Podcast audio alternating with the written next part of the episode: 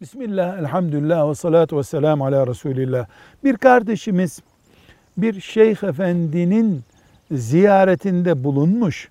Oradaki e, ziyaretçilerden biri şeyh efendiye geldiğinde e, şeyh efendinin elini öpmek istemiş. O da elini uzatmamış yani öptürmek istememiş.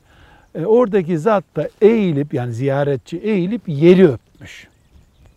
Bu caiz midir?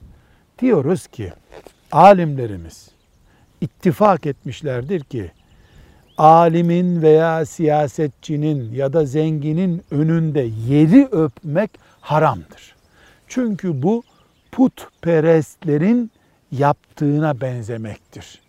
Bunun alimin önünde, şeyhin önünde yapılması bu kuralı değiştirmiyor. Velhamdülillahi Rabbil Alemin.